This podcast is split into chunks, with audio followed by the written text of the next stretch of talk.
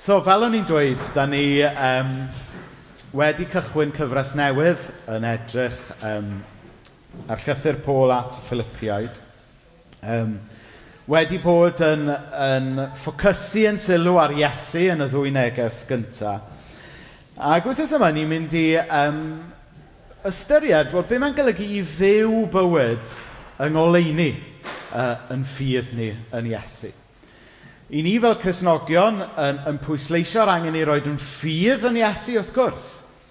Ond mae'n bwysig hefyd i ni fyw bywyd, yn dydy, yng ngoleuni yn, yn ffydd yn Iesu. A dyna yw'r pwyslau sydd, sydd yn dod drosodd yn yr adnodau sydd gyda ni bore yma. So, da ni dal ym mhenod 1, ond wedyn darllen adnodau 27 i 30. Ond beth bynnag fydd yn digwydd i mi, gwnewch yn siŵr eich bod chi'n dal ati ymddwyn mewn ffordd sy'n dangos fod y newyddion da am y Mesea'n wir. Wedyn, os byddai'n dod i'ch gweld chi'n ebeidio, byddwch chi'n sefyll yn gadarn ac yn brwydro'n galed gyda'ch gilydd dros y newyddion da. Peidiwch bod ag ofn y bobl hynny sy'n, sy'n eich erbyn chi – Bydd hyn i gyd yn arwydd iddyn nhw, fydden nhw'n cael eu dinistrio. Ond y cewch chi eich achub, a hynny gyda Dyw. Eich braint chi ydy dim yn unig credu yn y Meseia, ond hefyd cael dioddau drosto. Dych chi'n wynebu yn union yr un frwydr welwch chi fi'n ei hymladd. A dwi'n dal yn eich chanol hi fel dych chi'n gweld.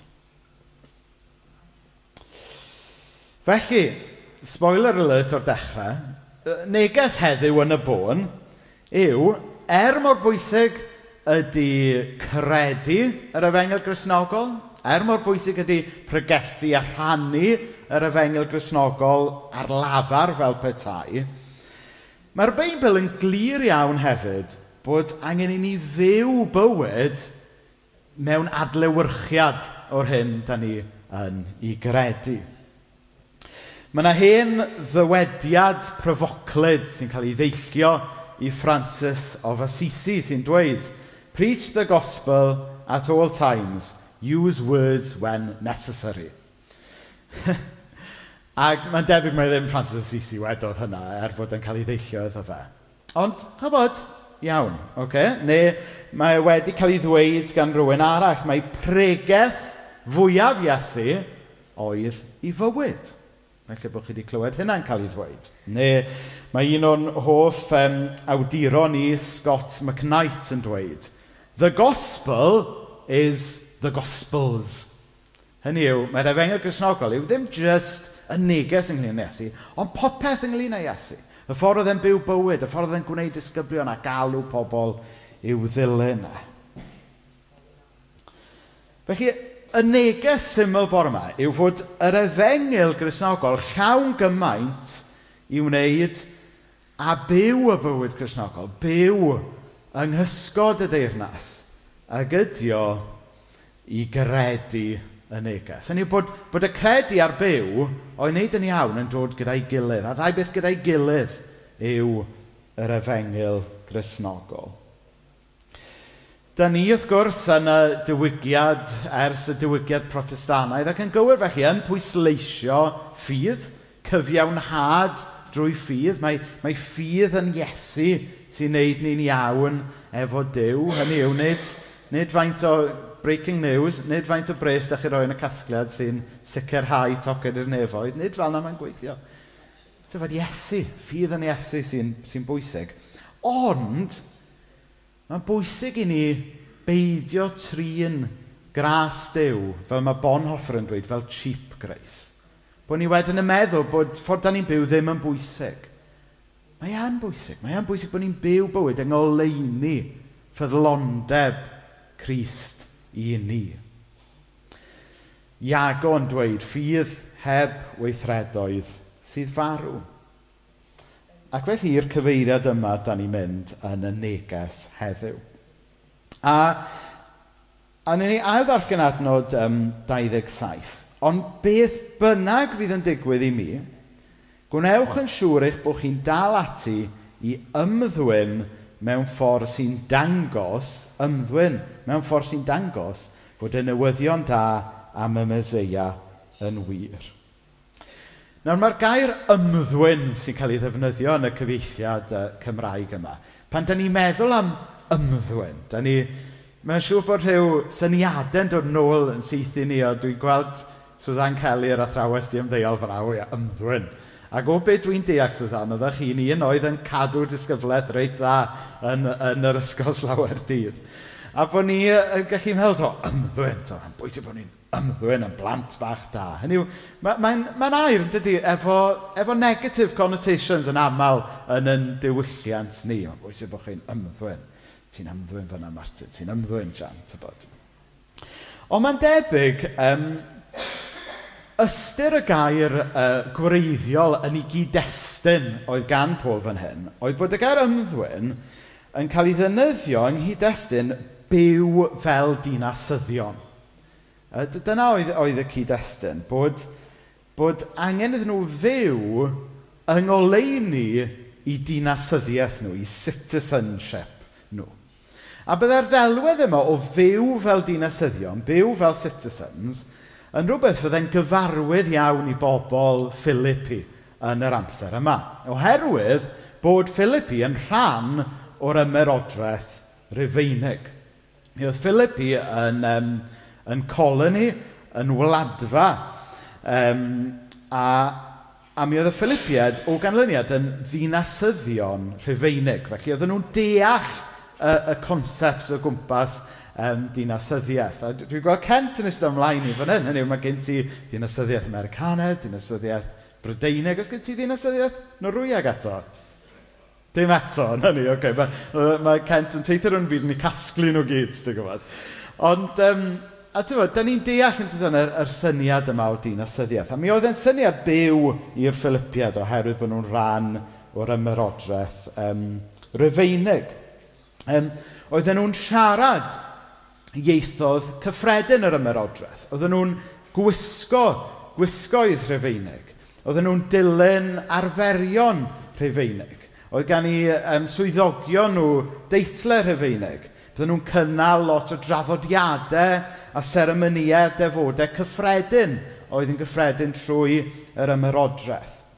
Ac oedd rhan fwy nhw hefyd yn, yn falch o'r breintiau oedd yn dod o fod yn um, ddinasyddion Rhyfeinig.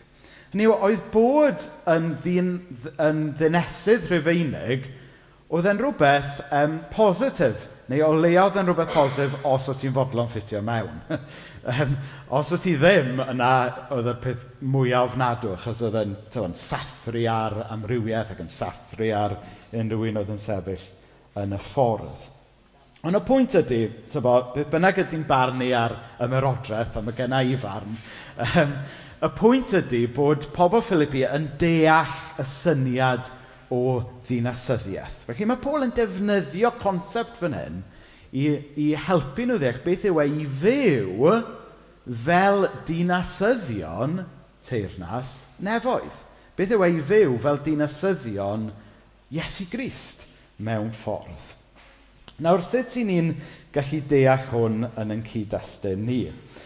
Wel, digwydd bod, mae, mae gyda ni ffrind yn ystod yn y cefn fyna sydd, sydd yma o Batagonia, Um, a mae gyda ni wladfa Gymreig, wrth gwrs, ochr arall y byd, yn, yym, yn yym, ym Patagonia. Ac, ac er fod Patagonia miloedd o, um, o filltiroedd i ffwrdd, a, a bod gan yn, yn ffrindiau ni sy'n byw yn Patagonia, mae ganddyn nhw i basbwts, um, alchentaidd ac yn y blaen, ond eto, mae llawer ohonyn nhw'n gweld eu hunain fel Cymru. Maen nhw'n, ma nhw falch o'r traddodiadau Cymreig. Maen nhw'n, ma nhw, ma nhw ymarfer, chymod, dal, yn, dal yn canu yr un emynau. Um, a, a, a mae genddyn nhw falchder o'i dinasyddiaeth Cymreig. Felly, i ni'n gallu deall yn dydyn beth yw e, i falle byw mewn un lle, ond cael dinasyddiaeth yn rhywle arall.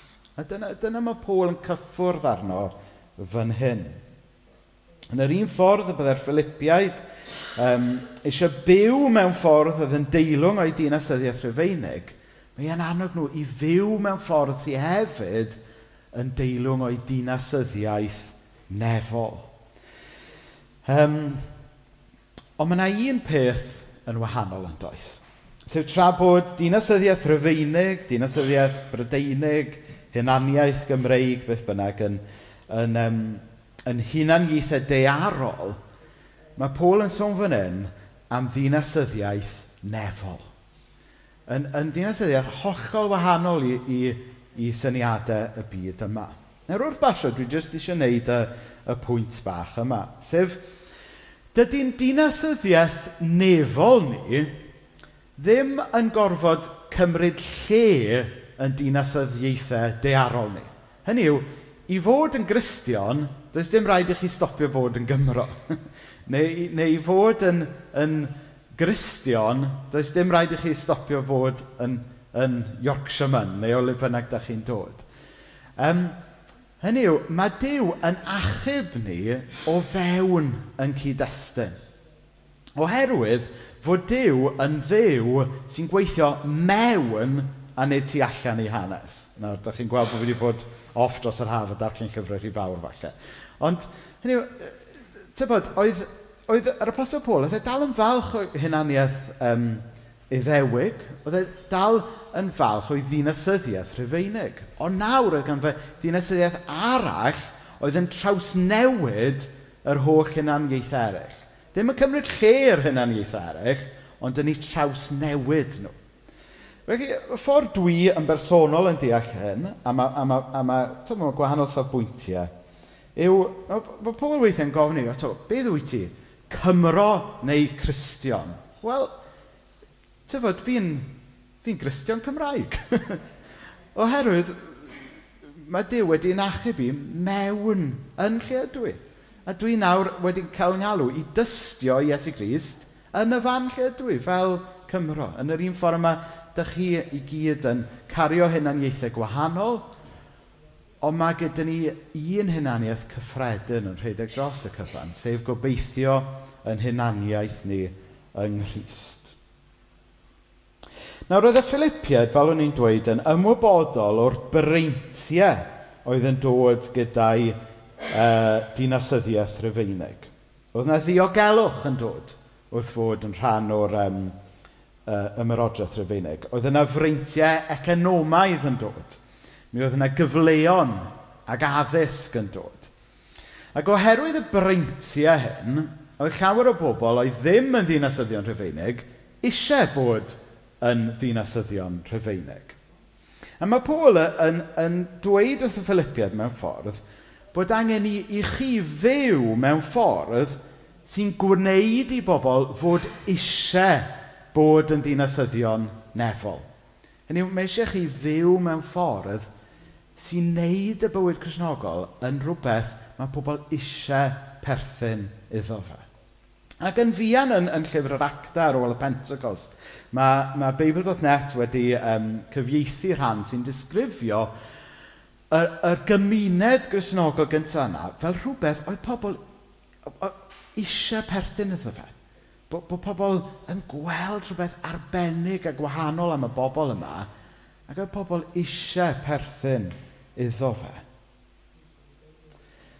Yr her yma i ni fyw mewn ffordd sydd yn denu pobl at Iesu Grist a'i newyddion da. Nawr, ymhrofiad i dros y blynyddoedd yw um, mae un o'r camau cyntaf i bobl droi at Iesu mewn ffydd yw nid gwrando ar bregaeth amazing gan Rhys Llwyd, nid gwylio rhyw ffilm slick ar YouTube gan Joss Edwards, nid cael ei hudo gan lais angylaidd Cadi Gwyn, na hyd yn oed gwrando ar gerdd arall am y pas gan Arwel Jones. Ond y peth cyntaf yn aml iawn sy'n troi llygad rhywun tuag at Iesu, ydy'n syml iawn y ffordd maen nhw wedi gweld Cristion yn byw i bywyd. Falle yn ffrind, falle yn gydweithiwr, falle yn aelod o'r teulu. A ddim bod y ffrind neu'r cydweithio neu aelod o'r teulu yna o'r heidrod wedi dweud yn rhywbeth am Iesu, mae jyst rhywbeth gwahanol amdanyn nhw. Mae jyst rhywbeth ynglyn â'u cymeriad nhw, rhywbeth ynglyn â'r ffordd maen nhw'n trin pobl wedi wneud i rhywun sylwi, ah, mae ma, ma gan y person yma rhywbeth dwi isio. A falle ar y pwynt yna mewn taith ffydd, bod nhw ddim yn gwybod bod y person yn gristion.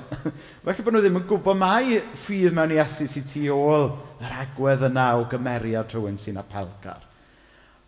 Ond mae e jyst yn ddigon i wneud y person ddechrau taith ffydd tuag at Iesu falle.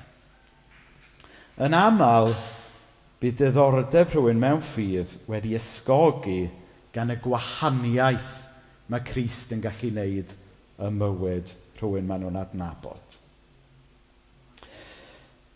Yn adnod 27, ni'n cael ein cymell i fyw bywyd mewn ffordd sy'n dangos fod y newyddion da am y Mesoea yn wir. Felly, sut da ni'n gwneud hyn? Wel, Sut mae hwn yn edrych yn ymarferol? Wel, mae cyd-destun pawb yn wahanol yn dydy. Felly, sgynna i ddim, sori, ond sgynna i ddim ateb syml a hawdd i hyn, ond dwi jyst am redeg trwy chydig o senarios bach, jyst i helpu ni feddwl rhai o'r pethau yma trwyddo. So, er enghraifft, enghraifft un, os oes ysbryd o negyddiaeth, falle yn eich teulu neu yn eich lle gwaith, Falle bod e'n golygu yn syml iawn dod ychydig o bos bositifrwydd mewn i'r sefyllfa. Enghraifft 2. Os ydych cilch chi o ffrindiau yn rhai gwael am gosip a helclex, falle bod e'n golygu jyst peidio ymuno mewn yn hynna. A trio dweud rhywbeth o blaid rhywun mae pawb arall yn lladd yn erbyn. Enghraifft tri. Os oes diwylliant diog yn eich lle gwaith, falle bod e'n golygu dod â gonestrwydd a work ethic gwell mewn eich lle gwaith. Neu, falle yn fwy anodd, falle os oes yna ysbryd o ddiffyg maddeiant yn eich teulu, neu yn eich cilch o ffrindiau, falle bod e'n golygu dewis maddau er mwyn dechrau penod newydd yn hanes y cylchynna o bobl. Nawr yn aml bydd y dewisiadau yma yn costio, ond o'i gwneud gyda gras a chariad, bydd pobl yn sylwi ar y gwahaniaeth. A da ni yn credu drwy ffydd, bydd wrth i bobl weld gwahaniaeth, bydd pobl yn gofyn am y gobaith sydd gynnwch chi. Dyna mae'r Beibl yn dweud os fyddwn ni'n byw bywyd yng ngoleuni'r deyrnas, bydd pobl yn gofyn, o pam wyt ti'n wahanol? Pam wyt ti'n dewis maddau? Pam? A bydd allwch chi drystio am mhrofiad i yw fod yn y gyfleon yn dod. Weithiau mae rhaid aros amser hir am y gyfleon yma, ond maen nhw yn dod. Fy'n y gyfleoedd ddweud pam bod chi'n dewis byw bywyd yn wahanol. Ond falle bod chi'n meddwl, wel, chwa, fi di'r unig berson sy'n credu yn yn heili. Fi di'r unig berson sy'n credu yn, yn ynghylch i o ffrindiau. Fi di'r unig berson sy'n credu yn yn lle gwaith. Sut fedra i fyw bywyd fel hyn? Wel, mae'r Mae adnod 27, ail hanner adnod 27, yn helpu ni weld mae rhywbeth da ni'n gwneud gyda'n gilydd ydy ceisio byw bywyd y deyrnas. Ail hanner adnodau saith. Byddwch chi'n sefyll yn gadarn ac yn brwydro'n galed gyda'ch gilydd dros y newyddion da. Mae Paul yn annog y Cresnogion yma i sefyll yn gadarn gyda'i gilydd mewn un ysbryd. Um, achos bydd yna amseroedd anodd. Bydd yna wrthwynebiad yn dod wrth i ni drio byw bywyd y deyrnas. Um, Ys i glywed stori unwaith, dwi'm yn cofio gan fwy nag yn lle, falle gan rhywun yma. Ond um, am ryw fath o goeden, dwi'm yn cofio i even pa fath o goeden, ond dyn nhw'n goed tal iawn, a fyddech chi'n disgwyl byddai gwreiddiau dofn ganddyn nhw. Ond doedd i gwreiddiau nhw ddim o'r ddofn o hynny ag ystyried coed mor dal iddyn nhw. Ond, Oedden nhw'n goed oedd wastad yn tyfu wrth ymyl coed, tebyg iddyn nhw mewn rhyw goedwig fach. Ac oedden nhw'n ffeindio i nerth, nid yn gymaint wrth gael gwreiddiau dofn, ond gael gwreiddiau oedd wedi interlocio mewn i'w gilydd. Ac os oedd un o'r coed yma yn, yn sefyll ar ben ei hun, pan fydde storm yn dod, os oedd o'n syrthio. Ond oherwydd fod nhw'n goed oedd yn tyfu gyda'i gilydd, pan oedd storm yn dod, oedden nhw'n sefyll oherwydd bod nhw'n ffeindio'u nerth drwy bwyso ar ei gilydd. A dwi'n meddwl bod hwnna'n ddelwedd dda sy'n ategu be mae Paul yn dweud fan hyn. Yw, mae'r alwad yma i, i, i ni fyw bywyd fel dinasyddion nef, pan da ni'n meddwl, o oh gosh, ydych chi fyw fel na'r ben fy hun, mae yn daunting. A chyfo be, newch chi probably baglu. Ond dydy Iesu ddim yn disgwyl i ni fyw bywyd ar ben yn hun mae'n galw'r ni fod yn unedig a byw y bywyd yma gyda'n gilydd fel eglwys a fel cymuned. Nerth mewn undeb, undeb mewn nerth. Ond mae Paul yn dydy yn rhybuddio ni fydd e ddim yn fywyd hawdd. Dydy byw bywyd sy'n deilwng o grist ddim yn hawdd a bydd gwrthwynebiad yn dod i, i ni me meddyliwch am yr enghreifftiau nes i roed. Tybod, yr, um, os oes yna ysbryd o negyddiaeth, a bod chi'n cael eich galw i, i ddod â positifrwydd mewn i'r sefyllfa, wel, falle gewch chi wrthwynebiad. Achos yr unig beth mae rhai pobl eisiau isio ydy pobl jyst i yndylgio'r negyddiaeth. A dyn nhw ddim isio newid y stori yr cilch o ffrindiau yna sy'n troi o gwmpas gosip a bod chi'n peidio tynnu allan o hynna. Wel, weithiau, yn anffodus, newch chi weld bod chi'n colli ffrindiau. A bod chi'n gweld mae'r unig beth oedd yn cadw rhywun o ffrindiau ar ei gilydd, oedd y gosip. yn fyddai chi ffeindio rhyw dir cyffredin gwahanol. Os oedd eich lle gwaith chi'n le, le diog a bod chi wedi dod â, a, a gonestrwydd a work ethic gwell mewn i'r lle, wel, falle gewch chi amser caled yn y gwaith, achos bod eich gwaith caled chi yn neud i bobl eraill edrych yn ddiog. Neu falle yr ysbryd yma o ddiffyg maddeiant, yn bod chi'n dewis maddau, ond e, bod chi wedyn cael eich portreadu fel bod chi yn cymryd ochr y sawl sydd wedi troseddu, falle. Mae ma modd i ni gael yn camddeall yn doeth. A, a mae Paul yn rhybuddio ni y daw gwrthwynebiad weithiau pan i ni'n byw bywyd yng ngoleuni teirnas Crist. Adnod 28 bydd gwrthwynebiad, adnod 29 o 30 yn dweud bydd na boen a dioddefaint, ond adnod 28 hefyd yn dweud bod dim angen i ni fod ag ofn.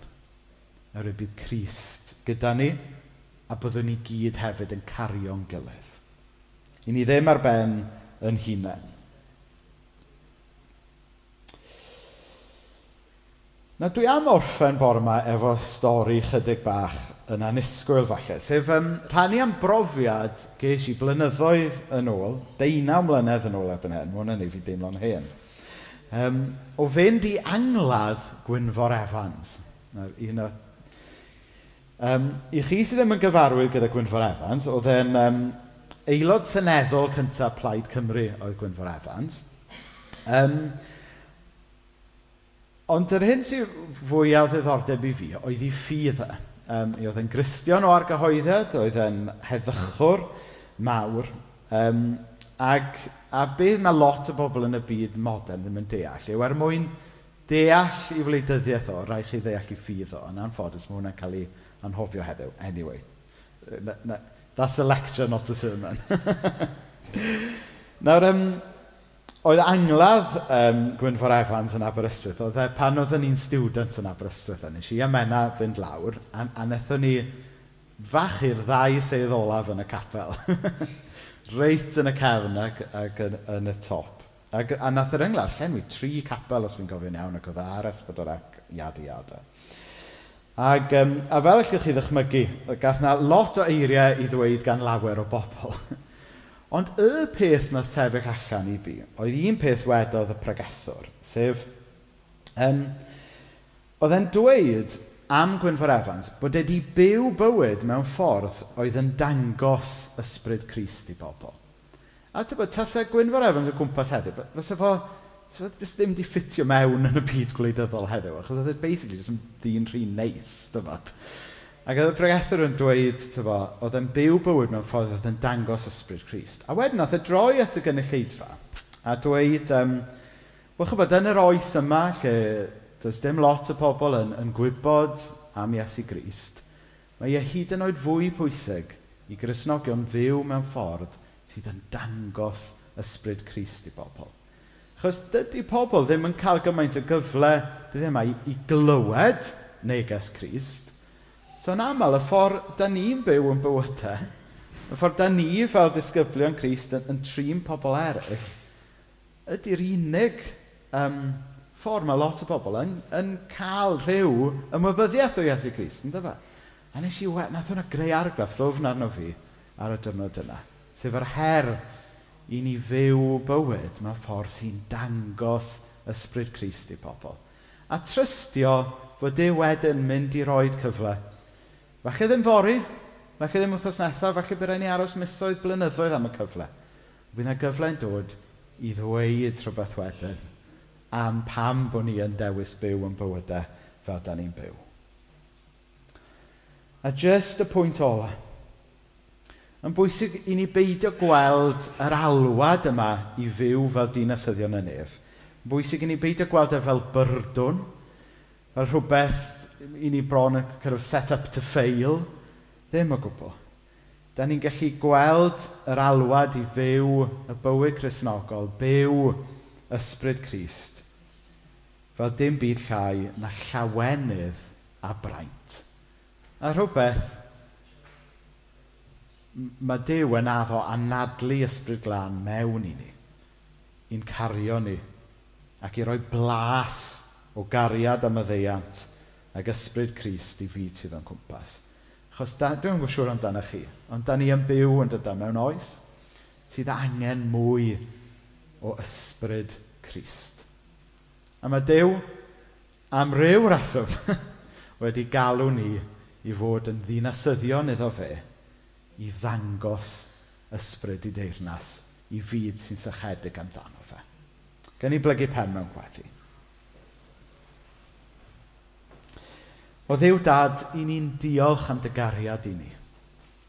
I ni'n diolch fod ti yn derbyn ni. I ni'n diolch bod ti wedi marw i ni gael byw. Da ni'n diolch bod ti wedi atgyfodi i ni gael bywyd. Mae dde i ni weithiau am anghofio yr alwad i fyw mewn ffordd sy'n dangos Crist i'r byd. Mae dde ni am... Um, am fod yn fwy balch weithiau o'n um, hunaniaethau dearol ac esgyluso yn hunaniaeth nefol. Ond llenwa ni o'r newydd gyda'r ysbryd di i ni ddangos Christ. i'n ffrindiau, i'n teulu, i'r byd o'n cwmpas. A helpa ni i beidio gweld hwnna fel byrdwn, ond i ni weld e fel llawenydd a braint. jménu Jesi. Amen.